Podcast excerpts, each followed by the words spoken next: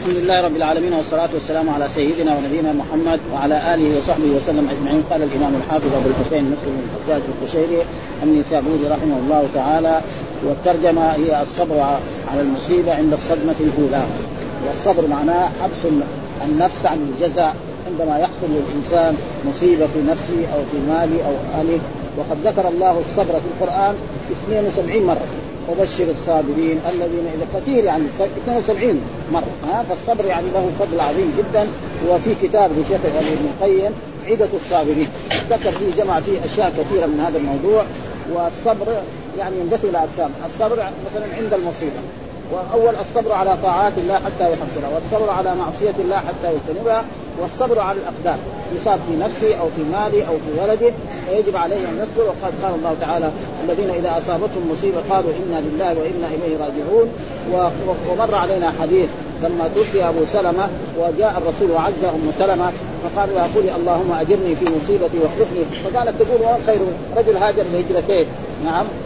وأسلم قديما فلما انتهت عدتها خطبها رسول الله صلى الله عليه وسلم وتزوجها. فابدلت من هو خير من أول. وهذا كثير ما بيحصل للناس المؤمنين هكذا. تموت زوجته أو يموت ابنه فيعوض الله واحد مات يعوض الله بخمسة بعدين وهكذا يعني. ها فالصبر. وإذا ما صبر الميت مات. ما يعرف يموت ولا يزاي ولا يطلع ولا ينزل. خلاص. ها ضاء الله تم. لا يمكن يعني. فلذلك هنا بيقول الصبر على المصيبة عند الصدمة يعني عند الضربة الأولى. حال ما يقال له إنه مات ابنك أو ولدك أو أخيك أو حصل أو انحرق مالك أو كذا عليه أن يصبر. فإذا ما صبر أمر الله نفذ خلاص. ما يمكن يرجع. مات الولد يرجع؟ مستحيل هذا. عمره ما في أحد مات ورجع.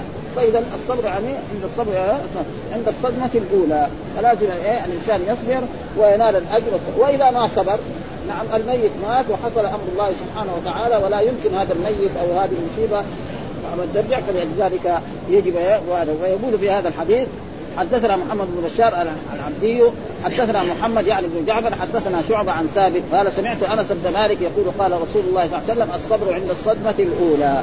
يعني وجوب الصبر عند عندما يصاب المصيبة في أولها. أما إذا ما صبر نعم بعد المصيبة بعد يوم يومين ثلاثة أربعة شهر ثم يتذكر مصيبة المسلمين في رسول الله صلى الله عليه وسلم. يعني مثلا مات ولده.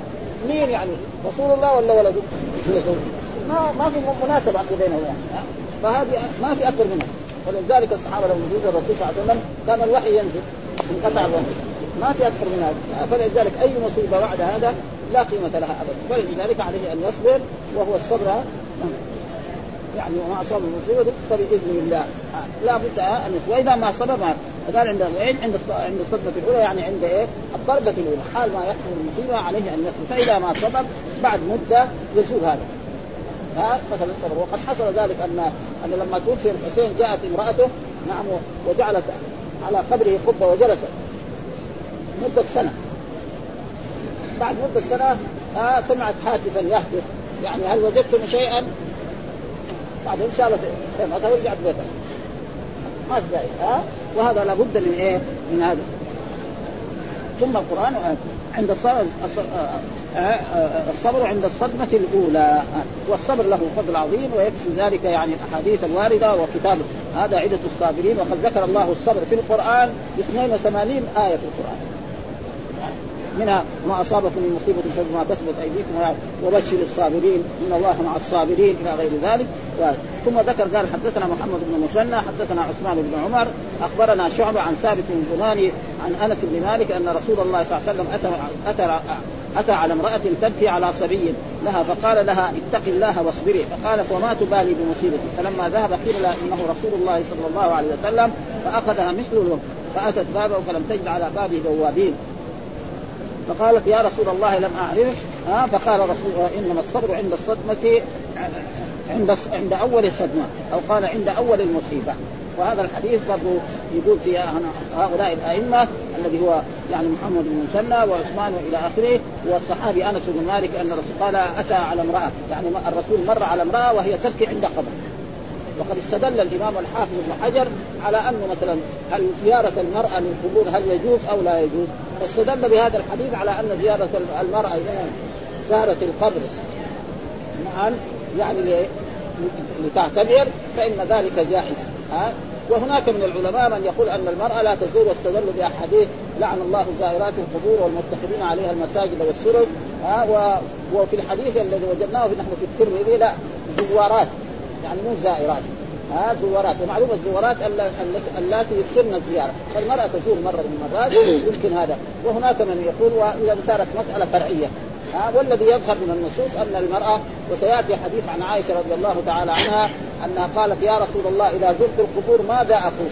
بهذا النص قال لها قولي السلام عليكم دار قوم المؤمنين وإنا إن شاء الله بكم له وهذا فيه دليل على وإن كان وهذه المسائل الفرعية التي يصير فيها خلاف بين الأئمة أو بين العلماء لا فالذي رأى أن زياره القبور للنساء لا يجوز وأنها فعليه. ولا يمنع ما دام هناك من العلماء من مثلا الحافظ بن حجر. الحافظ بن حجر ما هو بالرجل السهل يعني ها؟ جميع العلماء اللي جم بعده ياخذوا من كتابه هذا فإذا مسألة فرعية فالرسول ما أنكر عليها زياره إنما أنكر عليها إيه؟ ها؟ الجزع ها؟ وعدم الصبر فأنكر عليها هذا. ما لو كان يعني ما يجوز للمرأة تزور كان يقول لها قومي ولا تزوري ما قال لها هكذا. وثبتت أحاديث كثيرة غير ذلك فلذلك يعني مسألة فرعيه فلا يشدد فيها طلبة العلم.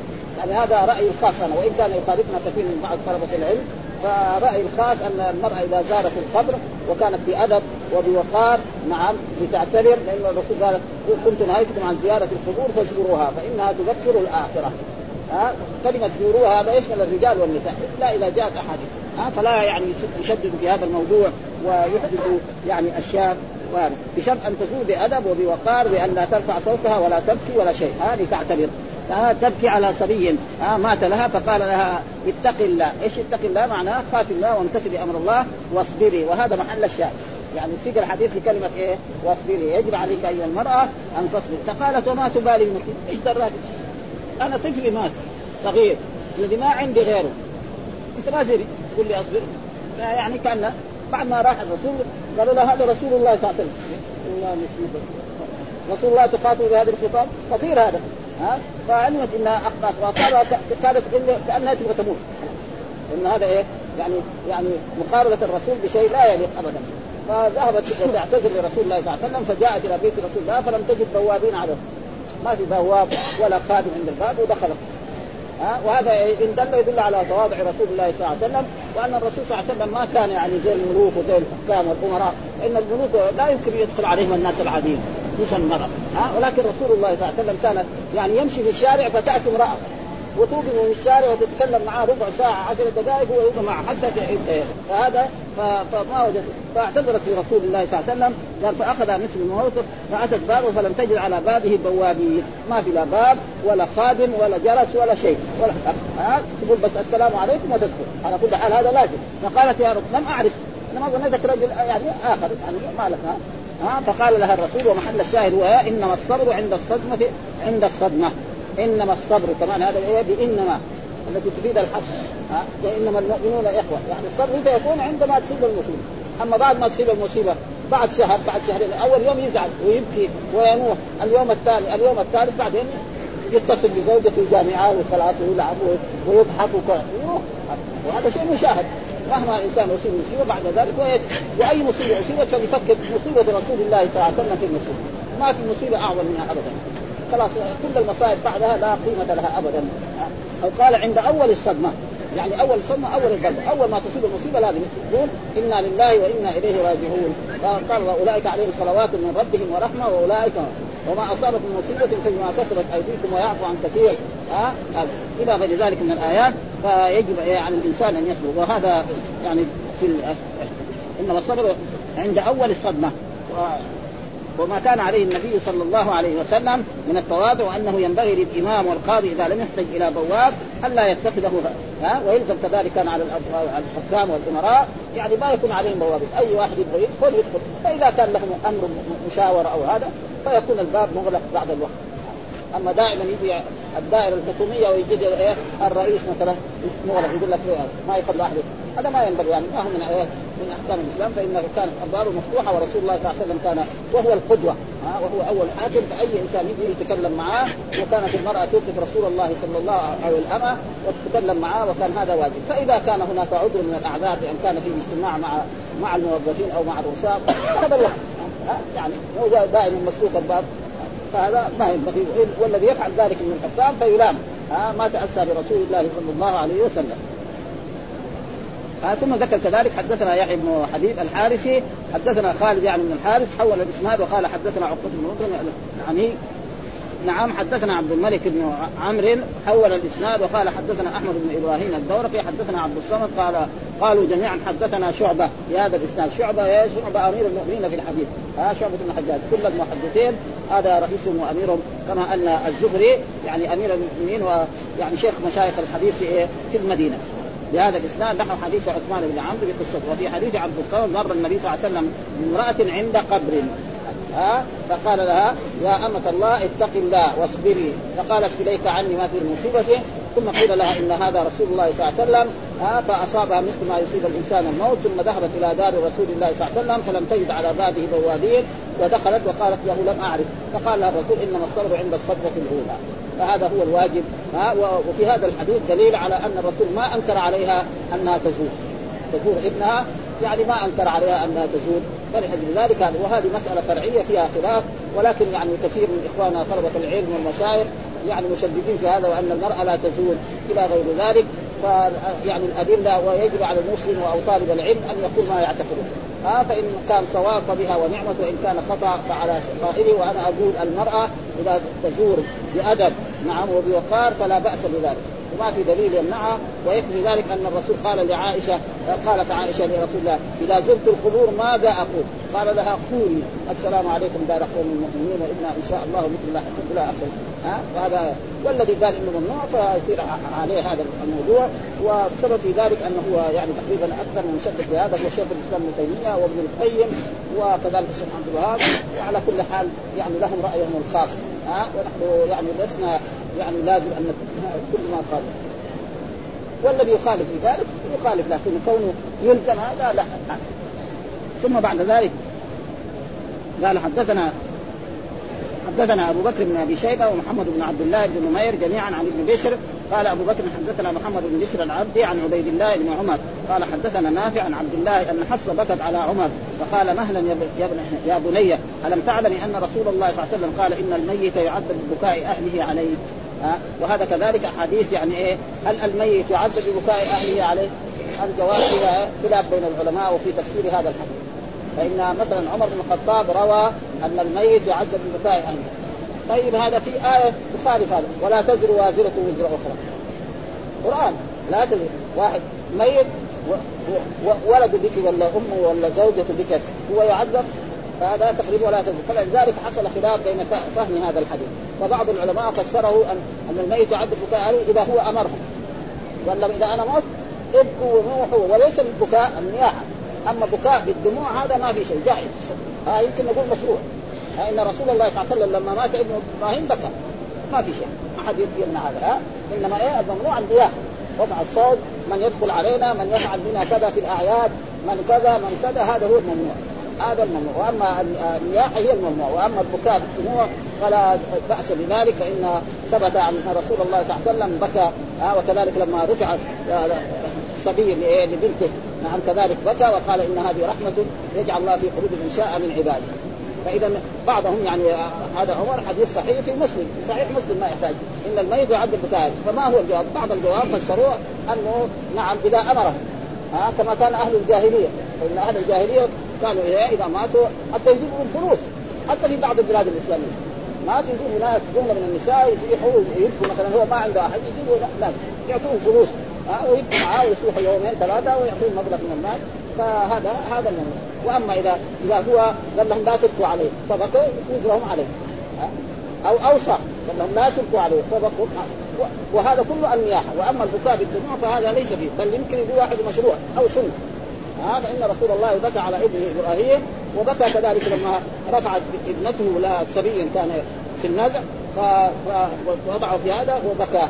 فقال له سعد أنت كذلك هذا هذه رحمة وضع الله في قلب من شاء من عباده فإذا البكاء هذا الذي فيه النياح هذا الممنوع. ها؟ وأن القرآن يقول ولا تزر وازرة وزر أخرى. أو أن بعض الأحاديث كانت عائشة تنكر هذا. عائشة رضي الله تقول أن الرسول ما قال إن الميت يعذب بكاء يعني. ما قال هذا ها وعلى كل حال عمر وهذه يعني مسألة يعني يمكن يقدم عمر عليها، ليه؟ لأن من اللي يتبع الجنائز؟ الرجال هي قاعدة في البيت وممنوع ان تتبع الجنائز ها يعني ممنوع ان تتبع الجنائز سواء كانت جنائز يعني اموات مسلمين أو كفار فالحديث صحيح يعني ما في كلام لأنه في مسلمين البخاري مر عليه لكن ما اتذكر الان ها؟ فعلى كل حال يعني تقريبا أن البكاء أو الممنوع هو النياحة وتعداد محاسن الميت ومن يفعل بنا كذا ومن يدخل علينا في الأعياد ومن ياتينا بالاشياء كذا فهذا هو الحرام وهو الذي إيه أو أن الميت قبل أن يموت يوصي أولاده وأهله وزوجته وبناته أن إيه يبكوا عليه ويميحوا عليه. كما كان أهل الجاهلية يفعلون ذلك يقول طرفة بن العبد في معلقته إذا مت فانعيني بما أنا أهله وشقي علي الجيب ابنه معبد هذا أهل الجاهلية. هذه موجودة في في قتول الطرف بن يقول الطرف بن إذا مت ها فانعيني بما أنا أهله. يعني إيه؟ ادي بمحاسني وشقي علي الجيب يا ابنة معبد إيش الجيب؟ هو هذا. مدخل ذلك ومعلوم أهل الجاهلية كذا إذا صار مصيبه تأخذ كذا وتشدد. فهذا هو ما. وأما إذا نهاهم وهذا فانهم فإذا بكوا هم يصير عليهم هذا. والقرآن ولا تزر وازره وزر أخرى. فقال يعني هذا النافع عن عبد الله بن ان بكت على عمر. يعني لما إيه؟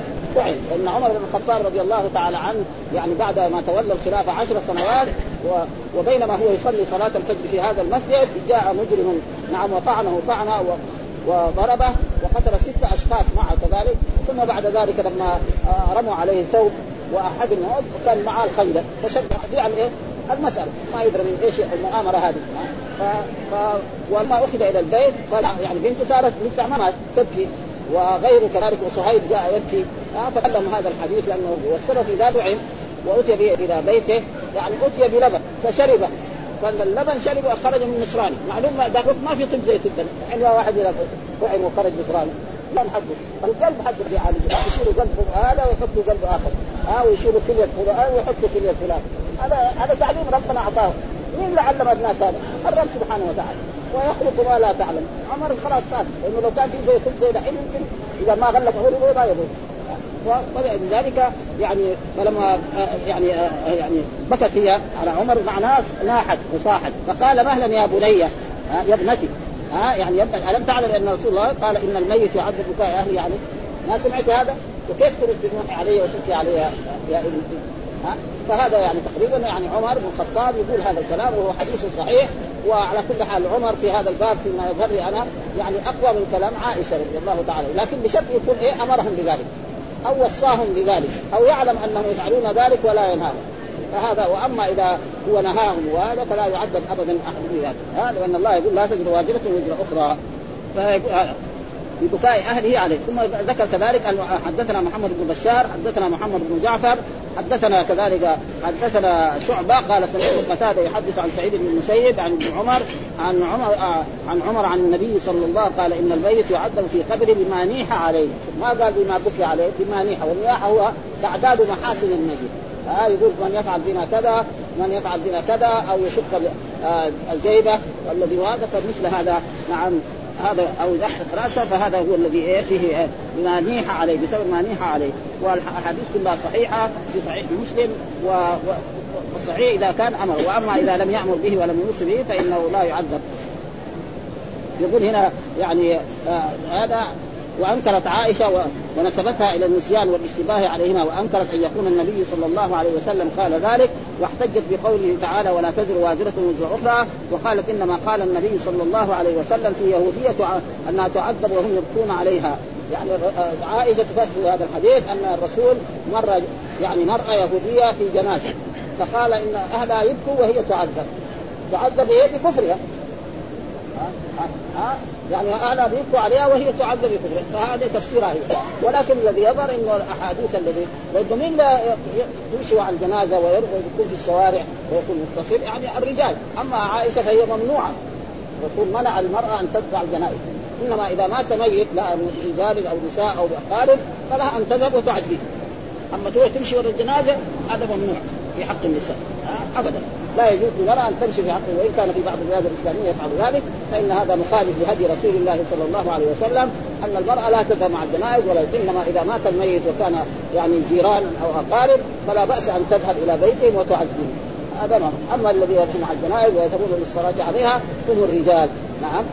قال انها انها تعذب وهم يبكون عليه يعني تعذب بكفرها في حال بكاء أهلها لا بسبب البكاء. واختلف العلماء في هذه الأحاديث فتأولها الجمهور على من أوصى بأن يبكى عليه ويناح بعد موته ونفذت وصيته فهذا يعذب ببكاء اهله عليه ونوحهم له لأنه بسببه ومنسوب إليه. وقالوا أما من بكى عليه اهله وناحوا من غير وصية منه فلا يعذب لقول الله تعالى ولا تزر وازرة وزر أخرى قالوا وكان وكان من عادة العرب الوصية بذلك ومنه قول طرفة بن العبد إذا مت فانعيني بما أنا أهله وشقي علي الجيب وابنة معبدي قال فخرج الحديث مطلقا حملا على ما كان معتادا له. وقالت طائفه هو محمود على من أوصى بالبكاء والنوح أو لم يوصي بتركهما فمن أوصى بهما أو أهمل الوصية بتركهما يعد بهما بتفريطه بإهمال الوصية. فأما من وصى بتركهما فلا يعذب به إلا صنع له فيهما. ولا تفريط منه. وحاصل هذا القول إيجاب الوصية بتركهما بتركهما.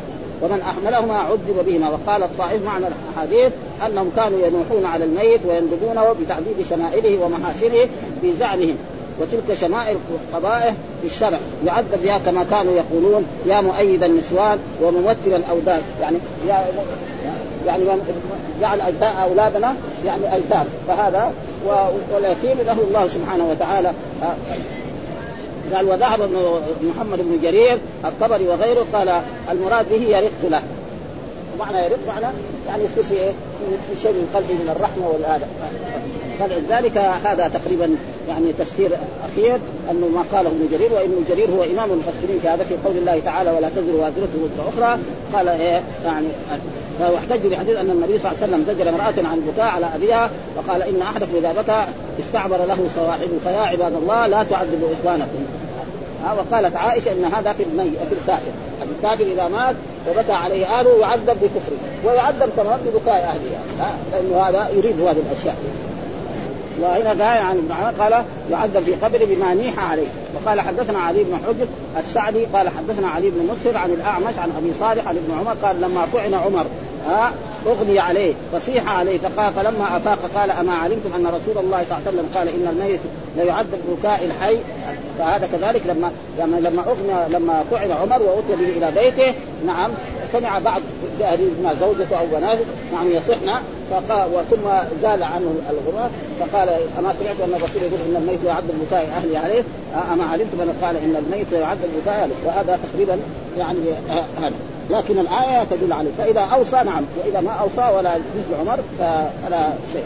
لا يعذب بكاء وحدثنا علي بن حجر حدثنا علي بن مسر عن الشيباني عن عن أبي بردة عن أبيه بردة قال لما أصيب عمر جعل صهيب يقول ويا وأخاه يقول وأخاه فقال له عمر يا صهيب أما علمت أن رسول الله قال إن الميت يعذب بكاء الحي.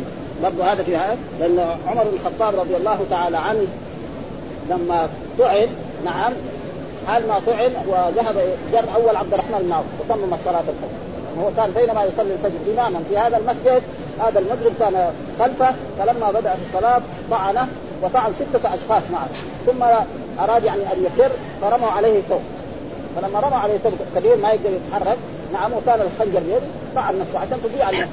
فحال عمر بن الخطاب جر عبد الرحمن بن عوف وصلى الفجر ثم ذهب أخذ به إلى إلى بيته. فلما اخذ به إلى بيته اغمي عليه فجاء صهيب، صهيب هذا إيه؟ صهيب الرومي الذين أسلموا القديم، حتى أن عمر لما طعن يعني أمر أن يصلي بالناس الأيام حتى يجعلوا خليفه. مع أنه هذا رومي. ها يعني مع أن الرسول قال اقراكم أبي. يعني صهيب هذا يصلي مثلا اليوم الأول واليوم الثاني واليوم الثالث بعد وفاة عمر ودفنه بعدها يجتمع الصحابة السته الذين توفي رسول الله وهو عنهم راض ويجعلوا خليفه. فهو ما هو رجل سهل. ها؟ فكان فدخل عليه فكان يقول إيه؟ واخاه وأنا أخاه زي ما يسمى في اللغة العربية الندبه ها؟ يسمى في في, يعني في, اللغة العربية في في المنادى في إيه؟ المنادى. يقول واحد يقول يا عبد الله. ها؟ يا محمد يا خالد. ها؟ الندبه إيه؟ نداء المتفجع عليه أو المتوجع. يعني واحد يقول راسه يقول وراسا هذا يسمى إيه؟ ندبه في اللغة العربية. ها؟ في النحو.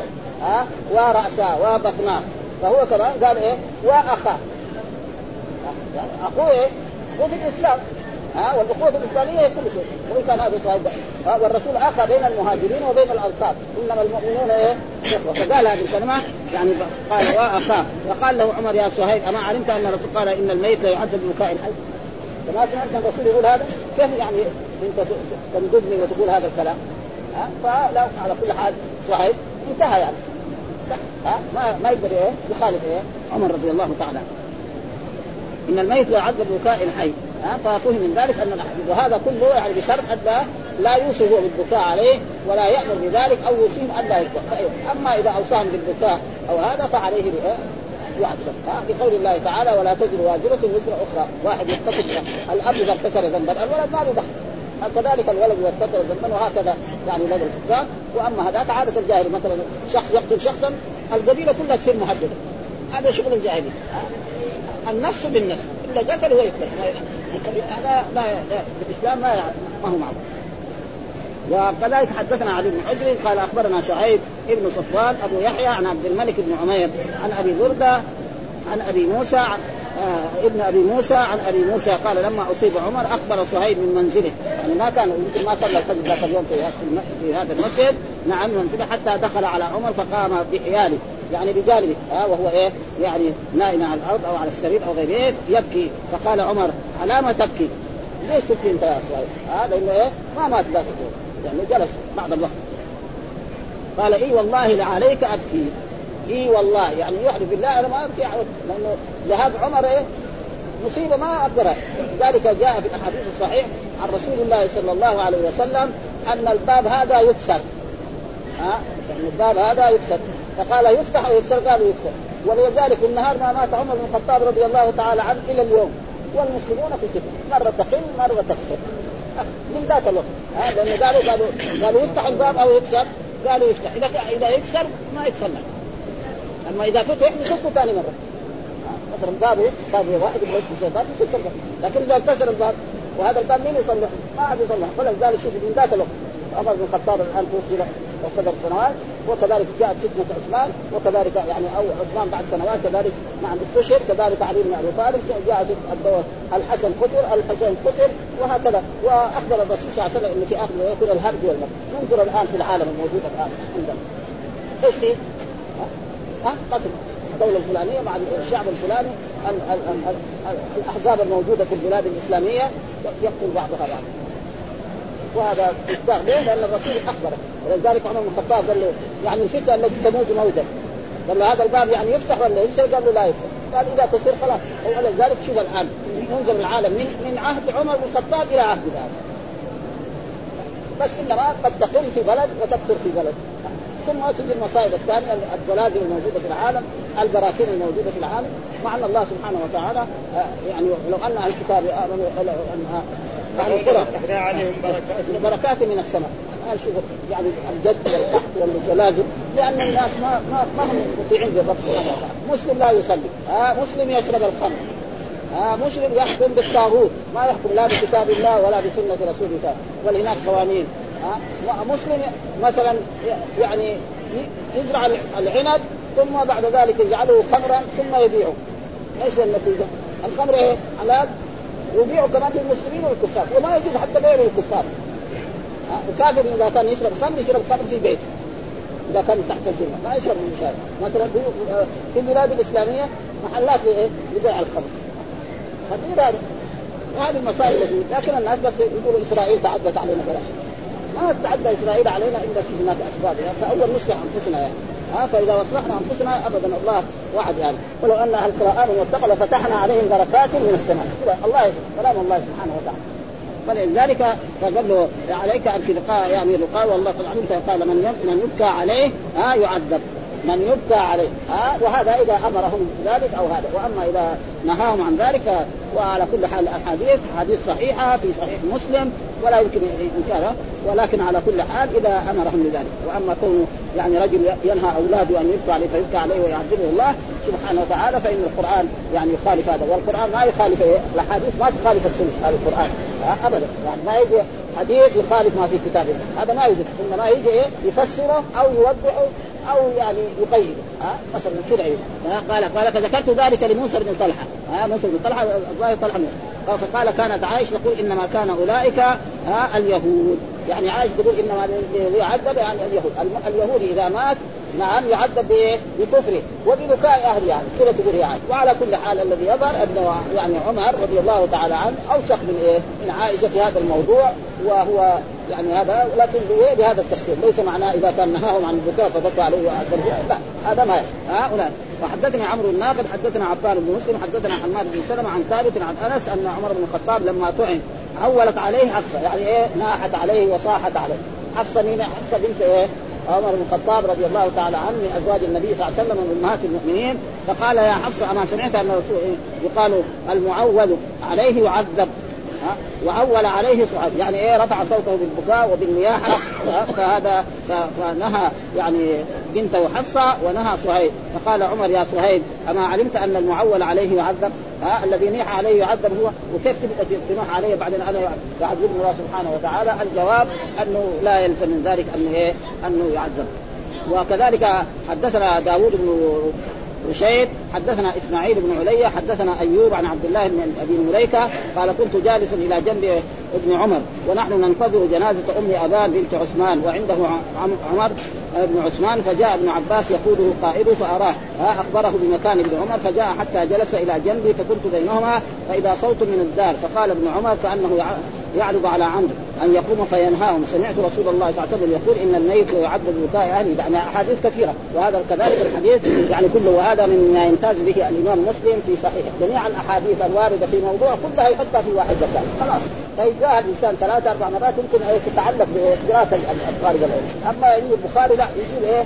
حديث واحد ولا حديثين في الموضوع وهذا الآن يعني أكثر من ست أحاديث سابقه في هذا الموضوع ويقول هذا حدثنا يعني أيوب عن عبد الله بن أبي مليكة وهذا كان عبد الله بن أبي مليكه من التابعين. يقول أدركت ثلاثين من أصحاب الرسول صلى الله عليه وسلم كلهم يخاف النفاق على نفسه. ما يقول إيمانك إيمان جبريل وميكائيل. ها ودائما المؤمن إيه؟ يخاف على قال كنت جالس إلى جنب ابن عمر ونحن ابن عمر وهو عبد الله بن عمر ونحن ننتظر جنازة أم أبان بنت عثمان. وأبان آه، يعني بنت عثمان يعني هذا إيه؟ لها أولاد منه وعنده عمر عمر بن عثمان. عمرو بن عثمان برضه ابن إيه؟ لعثمان بن عفان فجاء ابن عباس يقول وذلك الوقت يعني وهذا كان في مكة. كان إيه؟ في مكة يقول ومعلوم أن عبد الله بن عباس حبر الأمة وترجمان القرآن ولكن صار في إيه؟ في آخر حياته يعني كفيف البصر. فله قائد يقوده عشان يحضر الجنازة. وهذا فيه دليل على أنه لا بأس أن يجتمع الرجال إذا حصل موت قريب لهم أو جار لهم أن يجتمعوا في مكان ثم ينتظروا حتى تحصل آه، آه، يحصل الميت هذا أو تغسل المرأة الميتة هذه ثم تحمل إلى مسجد ويصلى عليها ثم بعد ذلك نعم تدفن فكان اجتمعوا أصحاب رسول الله صلى الله عليه وسلم منهم مثلا عبد الله بن عمر وكذلك عمرو بن عثمان وجاء كذلك عبد الله بن عباس يقوده قائده لأنه كان إيه خفيف البصر فرآه فاراه أخبره بمكان. يعني لما جاء هو ما يشوف. فقال له شوف هناك عبد الله بن عمر جاء الرسول ده اللي يقوده قال له شوف عبد الله بن عمر جاء فأخذوه جابوه عند عبد الله بن عمر. فصار إيه؟ عبد الله بن عمر في جهة وهو وكان الأحق يعني لما يكون الإنسان كبير وذو منزلة وذو علم يكون الاثنين جنب بعض. لكن صار إيه؟ فاصل عمرو بن عثمان هذا بينهم وعبد الله بن عمر من هنا ومثلا عبد الله بن عباس. وإلا كان الأحسن كان يكونوا جنب بعض ما دام هم أصحاب رسول الله صلى الله عليه وسلم. وهذاك مثلا تابعي ها؟ ها؟ يقول فاراه فأخبره بمكان فجاء حتى جلس إلى جنبي فكنت بينهما. فإذا صوت من الدار يعني فإذا صوت من الدار من بيت يعني ولد ابان هذا فقال ابن عمر إن الميت ليعذب ببكاء اهله إن الميت ها؟ قال فأرسلها عبد الله مرسلة. يعني إيه؟ يقول إن الميت ليعذب بكاء أهله. عليه أول. فقال ابن عمر كأنه يعرض على عمرو أن يقوم فينهاهم. أن يقوم فينام وسمعت رسول يقول إن الميت ليعذب بكاء أهله قال فأرسلها عبد الله مرسلة، إيش معنى أرسلها عبد الله مرسلة؟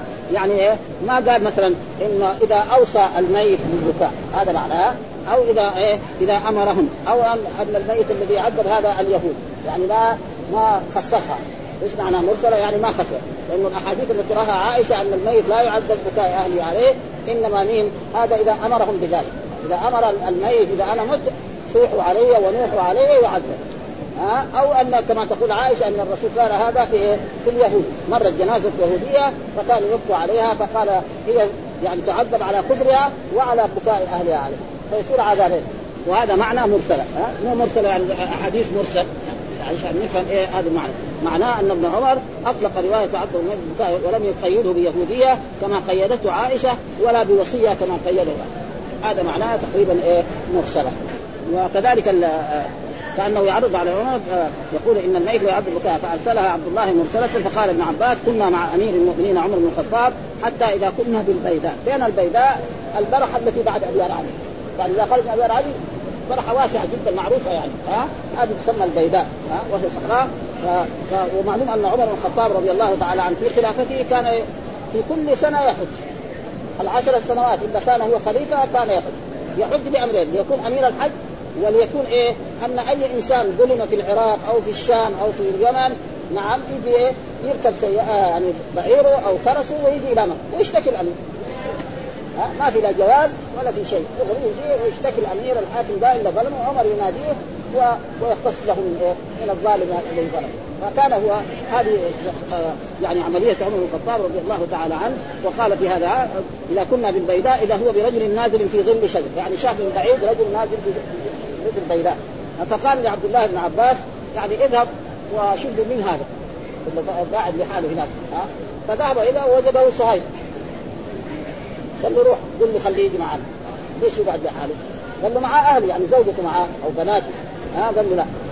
فهذا معناه وبعد ما يعني ومعلوم أن عمر الخطاب يعني كان في كل سنة يحج وفي آخر سنة لما حج حجه الحجه التي بعدها لأن كانت وفاته في عام 23 ها هو تولى كان إيه في عام 12 تقريبا أو 12 ونصف من السنة وتولى حتى عام 3 حج انتهى من الحج وعاد إلى المدينة في آخر شهر ذي الحجة من عام 23 نعم طعنه يعني غلام المغيرة بن أبو لؤلؤه وكان إيه؟ سبب وفاته وأمر أن أن يجتمع الصحابة الستة الذي توفي رسول الله صلى الله عليه وسلم وهو عنهم راض وهو مثلا عثمان وعلي بن أبي طالب وعبد الرحمن بن عوف وطلحة بن عبد الله وكذلك الزبير بن عوام يجتمعوا ويقررون من الخليفة. وبالفعل قرروا الخليفة عثمان وعلي كذلك معهم وقال إذا اتفقوا على واحد منهم وابوا الآخرين يقتلوا عشان لا يصير فرقة بين المسلمين. ثم بعد ذلك يقول قال إنه صحيح. قال مره فليلحق بنا. فقلت إن معه أهل. قال وإن كان معه أهل. يعني يمشي معنا. ها وربما قال أيوب مرة فليلحق, فليلحق بنا. فلما قدمنا يعني لما عدنا من المدينة هذا الظاهر إنه كان يعني لما وصل عمر بن الخطاب من الحج ونزل في البيداء كما كان رسول الله صلى الله عليه وسلم يفعل إذا وصل البيداء ينوخ هناك حتى يصبح الصباح بعد طلوع الشمس وبعد ارتفاعها يدخل المدينة. وأول ما يدخل المدينة يدخل هذا المسجد ويصلي ركعتين ثم يذهب إلى بيته. هو وأصحابه رضوان الله تعالى عليهم فلما لما قدمنا لم يلبث أمير المؤمنين أن أصيب.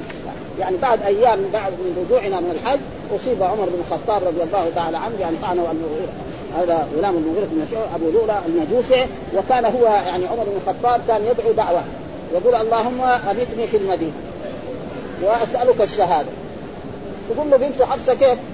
يموت في المدينة وشهاده يبغى يموت شهيد لازم يروح العراق يروح الشام يروح هذا اما شهاده لا ما له شغل أنا بطلب ربي فلذلك لما تعب مين يطعنه؟ قالوا إيه؟ أبو لؤلؤ غلام كافر يقتل مسلم يصير إيه؟ يصير شهيد ويدفن في المدينة يموت في المدينة عشان يدفن بجانب قبر رسول الله صلى الله عليه وسلم وبالفعل حصل فلما طعن قبل أن يموت أرسل ابنه عبد الله بن عمر قال له يستأذن من عائشة ها أن أدفن بإيه؟ بجانب إيه؟ رسول الله صلى الله عليه وسلم مع أبي بكر وكانت هي مخصصه هذا المكان إذا ما إذا ماتت هي ان تدفن يكون هذا زوجها وهذا أبوها وهي إيه؟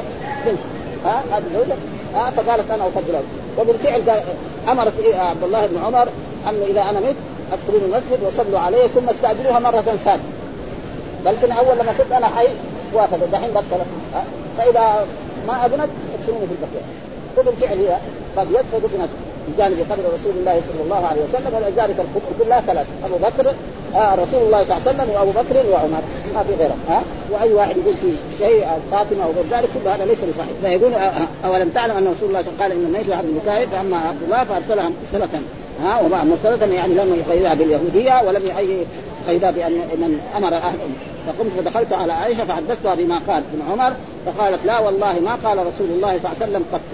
يعني تنفي مرة الحديث هذا ما قاله الرسول صلى الله عليه وسلم إن الميت يعد البكاء. هذا قط معناه فيما مضى من يعني في حياة رسول الله صلى الله عليه وسلم إن الميت يعد البكاء. هذا ولكنه قال إن الكافر يزيده الله بكاء أهله عذابا. تقول كده هي. آه؟ إن الميت إذا كان بكى له ربنا يزيد لكفره وان الله له ضحك وأبكى. ولا تزر وازرة وزر أخرى.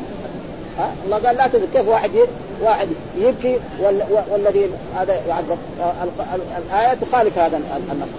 ولأجل ذلك ومعلوم أن الحديث لا ينسخ القرآن إنما يقيده أو يوضحه فلذلك مثلا يقول الله تعالى أنزلنا إليك الذكر لتبين للناس ما نزل اليه فالرسول يعني يشرح الأحاديث ويشرح الآيات فإذا صار فيها هذا فإليه أما كونه يجي حديث ينسخ آية في القرآن هذا ما لا يوجد ابدا. ها إنما مثلا جاء فيه لا وصية لوارث. ها أول في آيات فيها أن الإنسان يوصي. بعد ذلك فصار قيدها هذا الموجود في إيه؟ في الاحاديث فقالت هي ها ولا تزر وازرة. وقال أيوب قال ابن مليكة حدثني القاسم بن محمد قال لما بلغ عائشة قول عمر وابن وابن عمر قال إنكم لتحدثون عن غير كاذبين ولا مكذبين. يعني ليس عبد عمر بن الخطاب كذب على رسول الله صلى الله عليه وسلم حاشاه ولا عبد الله بن عمر. إنما يمكن إيه؟ نسي هذا إيه؟ يعني اعتذار. يعني لازم إيه؟ يعني عائشة ما تقول تقول ما الرسول ما قال هذا. يعني معناه إنه عمر يكذب؟ مستحيل الصحابة كلهم وخصوصا عمر رضي الله تعالى.